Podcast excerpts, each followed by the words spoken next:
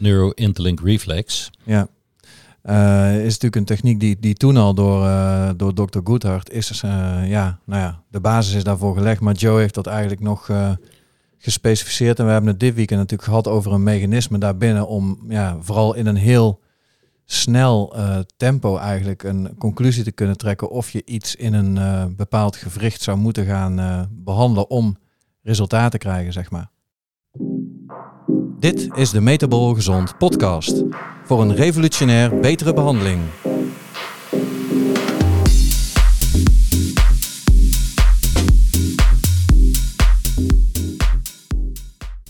Welkom bij weer een nieuwe aflevering van de Metabol Gezond podcast. De podcast waarin wij, therapeuten, artsen, personal trainers en andere paramedici een rode draad bieden om revolutionair te gaan behandelen. Wil je ook weten waarom het evolutionair werkt zoals het werkt? Wil je beter begrijpen waarom je patiënt niet herstelt? Of hoe je al deze kennis kunt gaan toepassen in je behandeling? Wij bieden het een en ander aan in de vorm van e-books, offline masterclasses en online cursussen. Wil je meer informatie? Neem dan een kijkje op revolutionairbehandelen.nl. Welkom weer bij een uh, nieuwe aflevering van de Metabol Gezond podcast. Ja, goedemorgen, goedemiddag of goedenavond, al nagelang wanneer je naar deze podcast luistert. En vandaag uh, gaan wij het hebben over een uh, methodiek die wij, uh, ja, kan wel zeggen, dagelijks toepassen. En wat ik afgelopen weekend hoorde, al zeker 15 jaar volgen in lessen daarover. Ja. Um, ja, de methodiek die we toepassen is natuurlijk de toegepaste kinesiologie, de applied kinesiology. Mm En afgelopen weekend, donderdagavond, zijn we naar Gent vertrokken.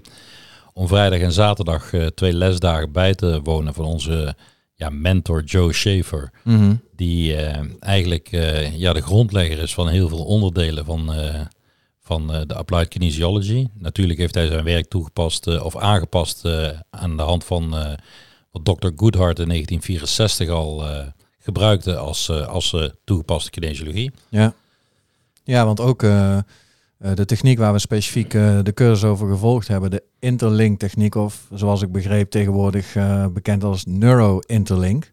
Neuro-interlink reflex. Ja. is natuurlijk een techniek die, die toen al door, door Dr. Goodhart is. ja, nou ja, de basis is daarvoor gelegd, maar Joe heeft dat eigenlijk nog gespecificeerd. En we hebben het dit weekend natuurlijk gehad over een mechanisme daarbinnen om ja, vooral in een heel snel uh, tempo eigenlijk een conclusie te kunnen trekken of je iets in een uh, bepaald gewricht zou moeten gaan uh, behandelen om resultaten te krijgen, zeg maar. Ja, en dat is natuurlijk een onderdeel van onze masterclasses, deze testmethodiek. En ehm, mocht je interesse hebben in onze masterclasses, kijk dan even op revolutionairbehandelen.nl. Um, en we zijn begonnen aan een reeks en inmiddels staat de tweede voor de deur.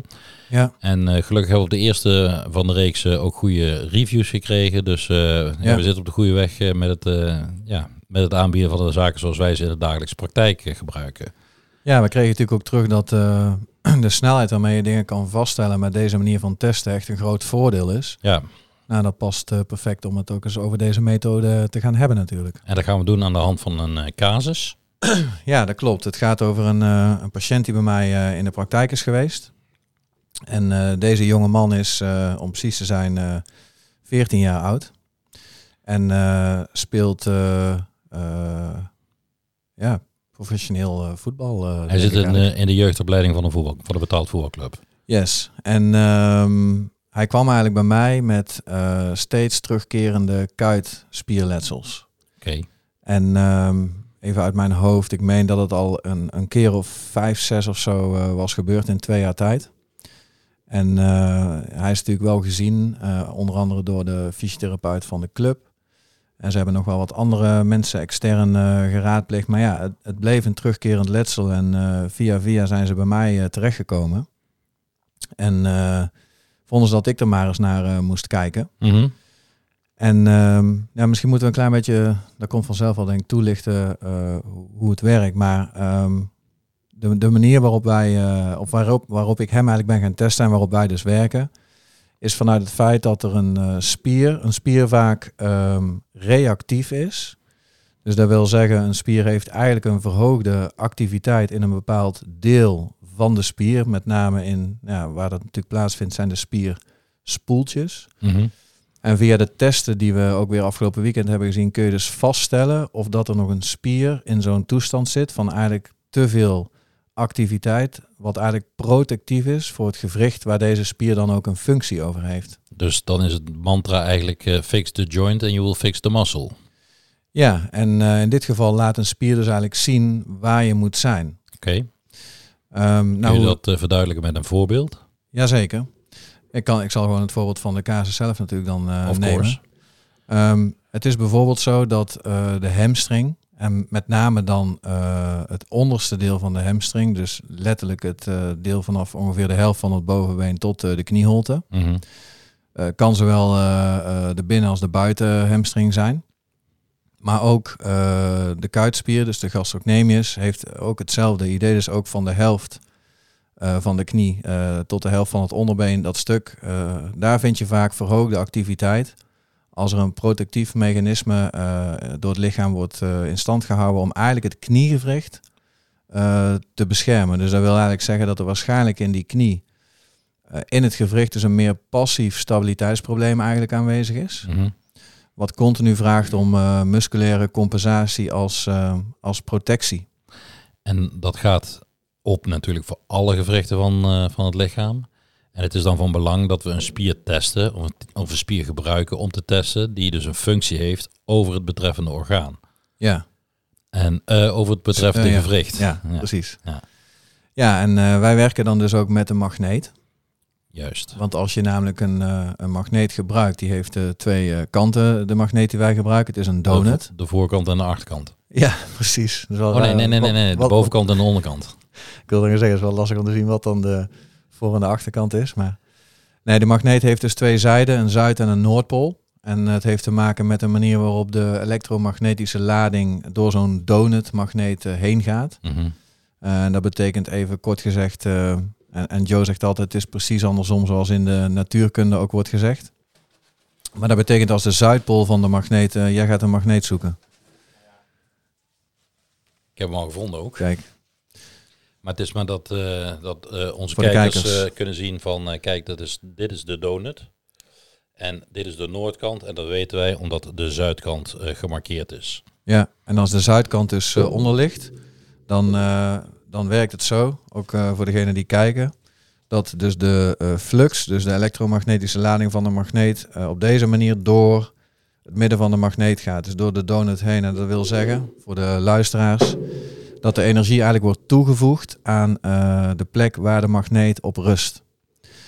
Um, dus in dit geval kun je met de Zuidpool op bijvoorbeeld de kuit of de hamstring, um, het gebied waar die spierspoelen dus uh, extra geactiveerd staan, nog eens een beetje extra uh, activeren. Ja, eigenlijk voel je dus energie toe aan de spierspoeltjes. Ja, en dan valt uh, eigenlijk de spier als het ware door de mand heen, omdat hij dan dus niet meer neuromusculair effectief kan reageren op een aanspanning. Oké. Okay.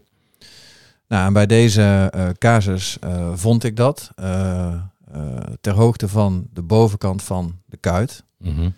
Op zich verklaart dat ook meteen dat die kuit, die dus de hele tijd protectief aanspant om iets in die knie te beschermen, dat die kuit dus ook gepredisponeerd was om zelf indien die dus belast werd, uh, een, een letsel te krijgen. Want een, een scheurtje of iets dergelijks in een spier op dat moment is eigenlijk ook een manier van het lichaam om te zeggen van ja, wat je nu vraagt aan mij, dat kan ik eigenlijk niet. Nou ja, eigenlijk is het dus zo dat uh, vanwege de hyperactiviteit van de spier aan zich is de belasting, uh, de belastbaarheid dus eigenlijk lager, ja. waardoor er sneller een overbelastingsprobleem kan optreden. Ja, correct. Dus met een magneet op de kuitspier de kuitspier uh, getest, vonden we een verminderde neuromusculaire reactie op deze spier. Als je zegt uh, de kuitspier getest, waar moet ik dan aan denken? Uh, dan moet je, ja, letterlijk bedoel je. Ja. Um, nou, dat kan op twee manieren. Dat kan in, in ruglig, met het been gebogen en de voet vast op de tafel, om dan vervolgens een flexie van de knie te vragen. Dus je vraagt functie van de spier. Ja, klopt. Dat, dat, was het antwoord waar ik naar op zoek was. Ah, oké. Nou, je vraagt dus functie van de spier. Ja. En um, dat doe je dus met die, met die magneet. Ik vond dus een verminderde neuromusculaire respons. En dan heb je vervolgens een tweede magneet nodig, omdat die eerste moet blijven liggen op die kuit. -hmm. Want anders valt je uh, negatieve weg. test eh, weg, zeg maar. Ja. Of eh, je positieve test weg. Ehm, en dan ga je met die andere magneet zoeken. En in dit geval is het dan dus zo dat je gaat kijken, eh, omdat die kuit reactief is op een eh, kniegewricht, of dat, dat verwacht je dan in dit geval.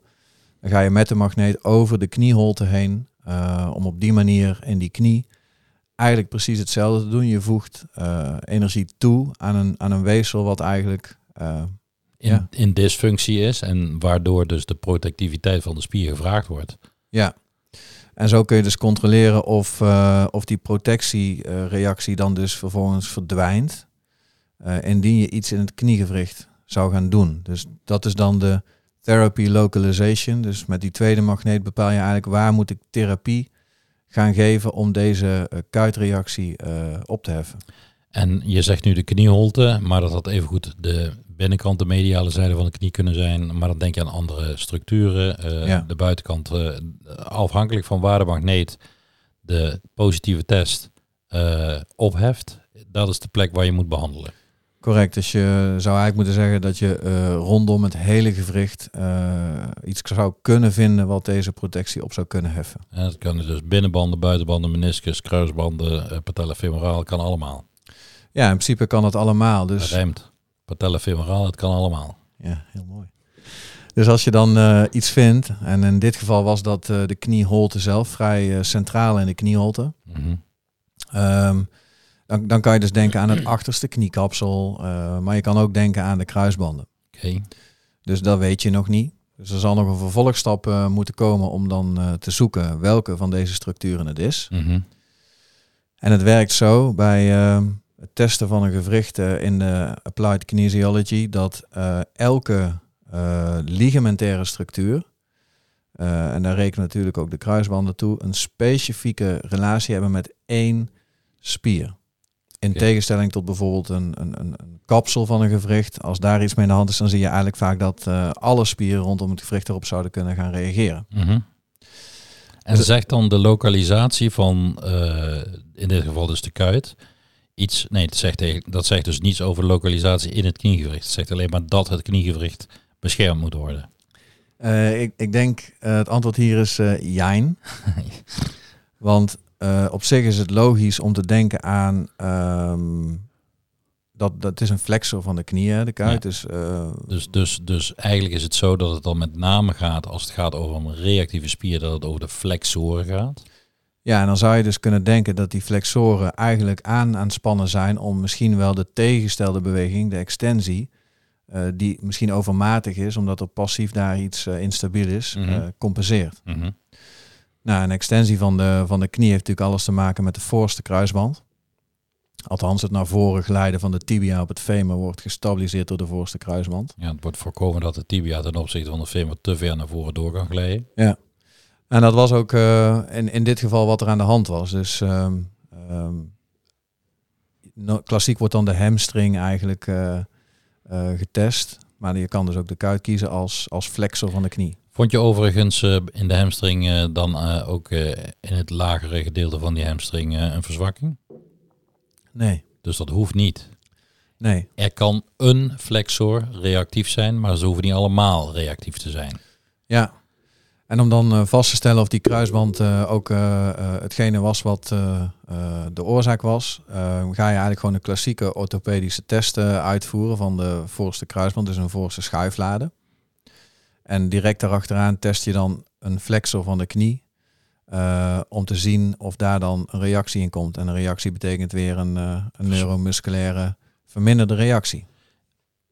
En in het geval van eh, het testen van een kruisband, eh, eh, de voorste schuiflade, is het natuurlijk handig als, als je dan inderdaad opnieuw die gastrocnemius test gebruikt. Want ja, in die uitgangspositie ben je dan al. Correct. Ehm, ik heb ook geleerd dat je dat kan differentiëren door de onderbeen naar binnen te draaien, het onderbeen naar buiten te draaien. Ja, om meer spanning op de voorste kruisband te brengen of juist niet bedoel je? Ja, Ja, ja dat klopt. Ik weet eigenlijk niet of dat een test is die je zou kunnen toevoegen. Ik denk het wel. mhm. Want met een en de rotatie draaien de kruisbanden meer op spanning. allebei. Ja. Maar ja goed, je test eh, de specifiek gerelateerde spier aan de voorste erna. Ja, dus wat, wat van belang is in de test, dus eigenlijk de, de challenge voor het, eh, Het weefsel wat je wilt testen, is dat je de, de band of de ligamentaire structuur die je wilt testen, kortdurend op een rek brengt om te kijken of dat, dat proprioceptief een reactieve spier geeft. Ja, dat klopt. Want je stuurt eigenlijk vanuit die uh, rektest stuur je eigenlijk signalen naar centraal toe, Mhm. naar het zenuwstelsel. En daar komt dan een wel of niet een, een musculaire reactie op terug. Ja.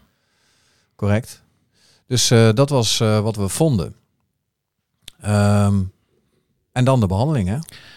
Dus eh, om nog even te resumeren van wat je hebt gevonden. Je hebt dus op basis van de anamnese gedacht van oké, is er misschien iets in die knie aan de hand, waardoor dat die spierspanning in die kuit eh, tot de ja, kuitklachten zou kunnen hebben geleid. Ja. En je hebt dus eh, de magneet gebruikt met de zuidpool op de kuitspier. Om te kijken of dat die kuitspier verzwakt onder invloed van deze ja, challenge, zeg maar. Ja. Vervolgens eh, was daar het antwoord op ja. Dus jij wist dat neuromusculair een, ja, een, een, een verstoorde aansturing was van eh, de spieren rondom dat kniegewricht in protectie van dat kniegewricht. Uh-huh. En je hebt daarna een tweede magneet gebruikt om de therapielokalisatie te doen. Dus waar moet je zijn met je interventie? En daarbij kwam je uit op de voorste kruisband. Of het achterste kapsel of de achterste kruisband. Dat wist je op dat moment nog niet. En toen ben je specifiek de spier gaan testen die relateert aan de voorste kruisband nadat je de voorste kruisband een rekprikkel had gegeven. Correct. En toen? En toen, ja, toen heb ik dus behandeld met de neuro-interlink eh, methode. Mhm. En de neuro-interlink methode is gebaseerd op het feit dat wij ooit op vier voeten liepen. Mhm. En dat er nog steeds een sterke eh, connectie is tussen eh, bepaalde eh proprioceptieve, motorische, sensomotorische gebieden eigenlijk. Zoals, eh, In het brein. ja, precies in het brein, op, eh, op de cortex, op de homunculus is dat denk ik eh, op gebaseerd. Mhm. En in dit geval betekent het dat eh, als je kijkt naar het, eh, naar het looppatroon, of nou ja, het viervoeters looppatroon, dat altijd een rechterarm en een linkerbeen samen bijvoorbeeld naar voren gezwaaid worden. Mhm. En eh, dat betekent ook dat gewrichten zoals een pols rechts, eh, dus een connectie daar heeft met de enkel links en, en een heupflexor links, connectie heeft met een schouderflexor rechts. Omdat ze altijd samen Tegelijkertijd. ja, aanspannen in, eh, in bewegingspatronen. Ja. Dus in het geval van de knieholte is Wat- daar een eh, connectie met de elleboogholte aan de andere zijde. En wat je dan dus gaat doen is eigenlijk gebruik maken van die, van die elleboog in je behandeling. Door, ehm, en dan, er is eigenlijk niks in die elleboog gaande.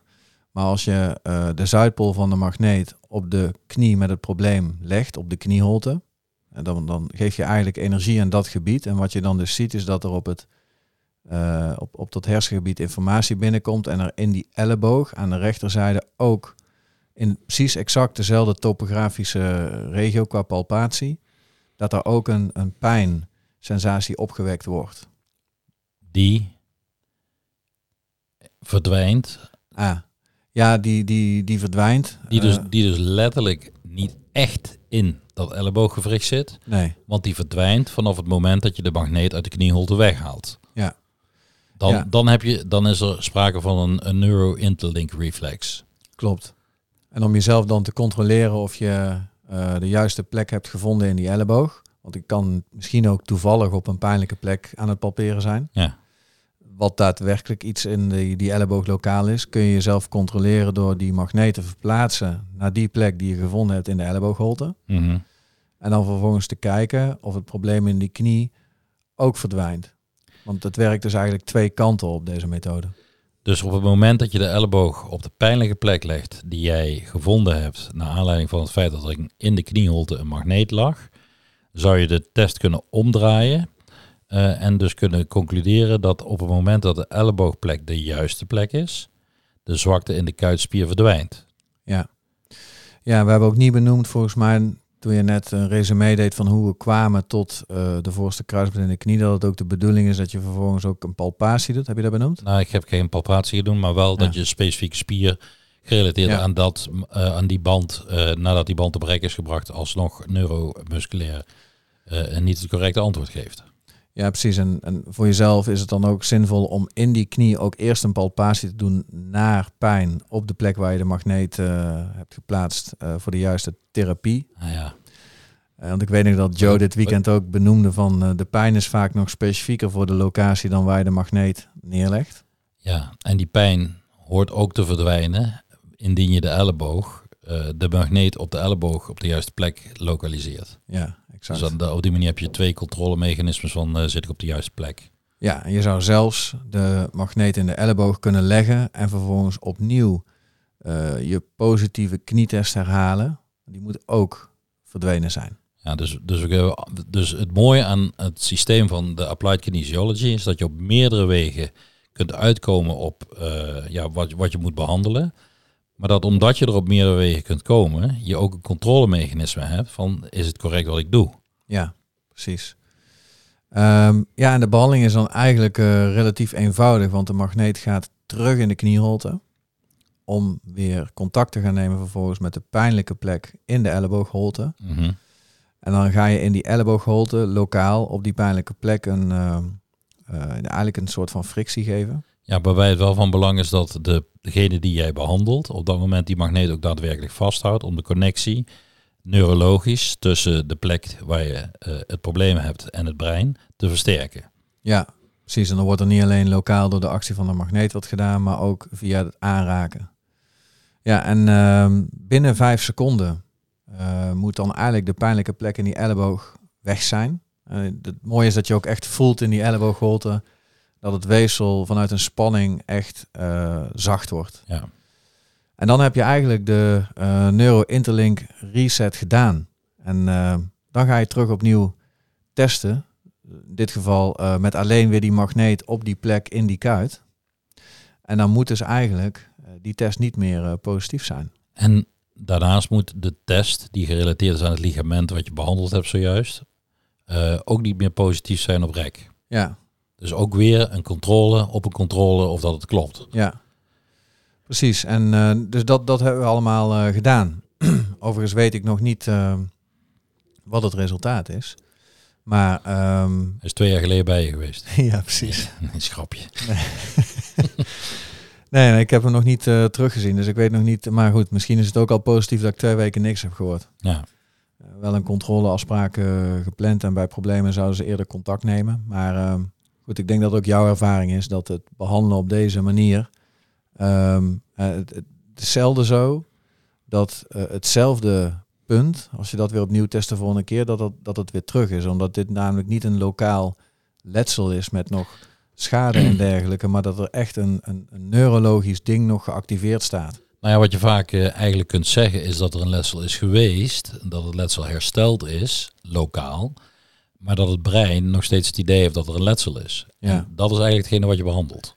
Ja, er is dus eigenlijk een, uh, een soort geheugen, uh, memory ontstaan van, van die actie, van die blessure. Want ergens is dat een keer uh, opgetreden. Ja, en in, in het voetbal, dat weet jij nog beter als ik, dan is er nog wel eens een keer een, een heftige actie. Een, een voet die in de grond blijft staan, een contact met een andere speler. Een, een beenveeg. Ja. ja, die, die, voor, de, voor de liefhebbers op uh, TikTok een keer zoeken op beenveeg. Ja. Nee, maar er zijn inderdaad voldoende redenen om zoiets een keer uh, in een wedstrijdsituatie uh, op te lopen. Hè? Misschien onder vermoeidheid of iets dergelijks. Ja, nou ja, inderdaad. En dan heeft het immuunsysteem natuurlijk gewoon een week of zes de tijd om zoiets te herstellen. En als het immuunsysteem dat gewoon prima heeft gedaan, um, en er desondanks res, residu klachten blijft, dan kan het zijn dat dat dus met een neurologische interlink te maken heeft. Ja. Het feit dat het brein nog steeds uh, van mening is dat lokaal er nog een ontstekingsactiviteit zou moeten zijn. Ja, ik weet niet of jij het ook zo uh, begrepen hebt, maar ik heb wel begrepen dat die interlink dus eigenlijk echt een methode is om ook gewoon, uh, om vooral toch traumatische acties in het, in het lichaam op te sporen. Ja, nou ja, het is, het is zo dat we natuurlijk bij sporters heel vaak zoiets tegenkomen. Ja. dus, dus, en, en de behandelresultaten zijn eigenlijk vaak spectaculair. Ja. Het is vaak één keer behandelen en het is over, het komt niet meer terug. Ja, ja want een, een, een, een gemiddelde therapeut kan best wel bedenken dat een kuitspier natuurlijk een rol heeft over een kniegewricht. Maar om zo gericht te kunnen testen waar je exact moet zijn om, uh, om iets op te lossen. Ja, dat is gewoon wel uniek aan deze, aan deze methode. En dat is nou juist hetgene wat wij in onze masterclasses ook uh, in de praktijk uh, daarvan, nou, daar maken we gebruik van. en en dan leren we je aan en hoe dat, dat werkt. dat komt allemaal terug in onze masterclasses. Ja. En nou ja, de volgende is Bursitis trochanterica. En uit mijn hoofd is dat op 27 oktober. Ik kan even voor je checken als je wil. Maar dat denk ik wel. En uh, we moeten erbij zeggen dat uh, al die masterclasses van de eerste reeks ook daadwerkelijk volgeboekt zijn. Het is dus helaas niet meer mogelijk om je daarvoor in te schrijven. 24 oktober. 24 oktober. Um, en de reden dat uh, die masterclasses zo snel uitverkocht zijn, is dat we met maximaal acht personen die masterclass geven, zodat we in de praktijk daadwerkelijk ook je alle aandacht kunnen geven die noodzakelijk is om deze skill te leren.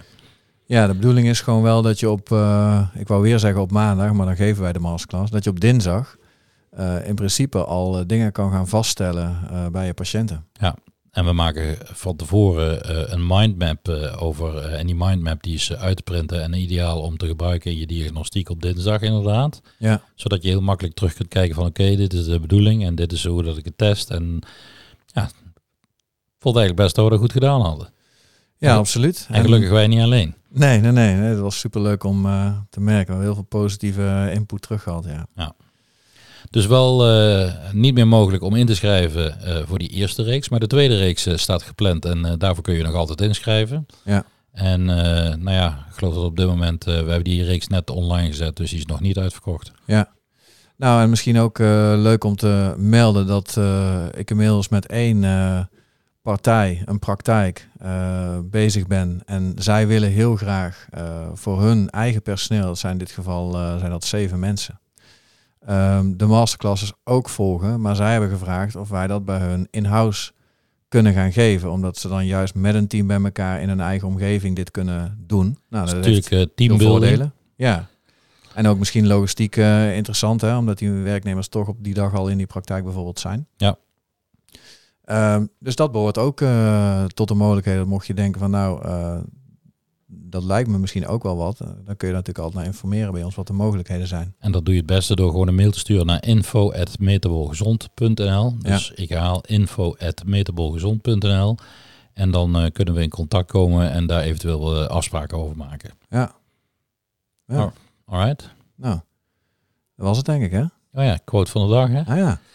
Nou ja, zoals jullie uh, inmiddels weten, als je ons al een tijdje volgt, zijn wij van oorsprong fysiotherapeut en verslaafd aan de waarom-vraag zijn we gestart met een opleiding osteopathie om verder te kijken dan wat we in de opleiding fysiotherapie hadden geleerd. En daaruit volgen ook alle andere nascholingen, bijscholingen, opleidingen, et cetera, die we gedaan hebben. Maar de grondlegger van, van de osteopathie, Andrew Taylor Still, die had de uitspraak, find it, fix it en leave it alone. En dat lijkt me uitermate van toepassing op deze neurologische interlink. Dat lijkt mij ook. Tot over uh, twee weken. Tot over twee weken. Deze podcast werd mede mogelijk gemaakt door Metabol Gezond.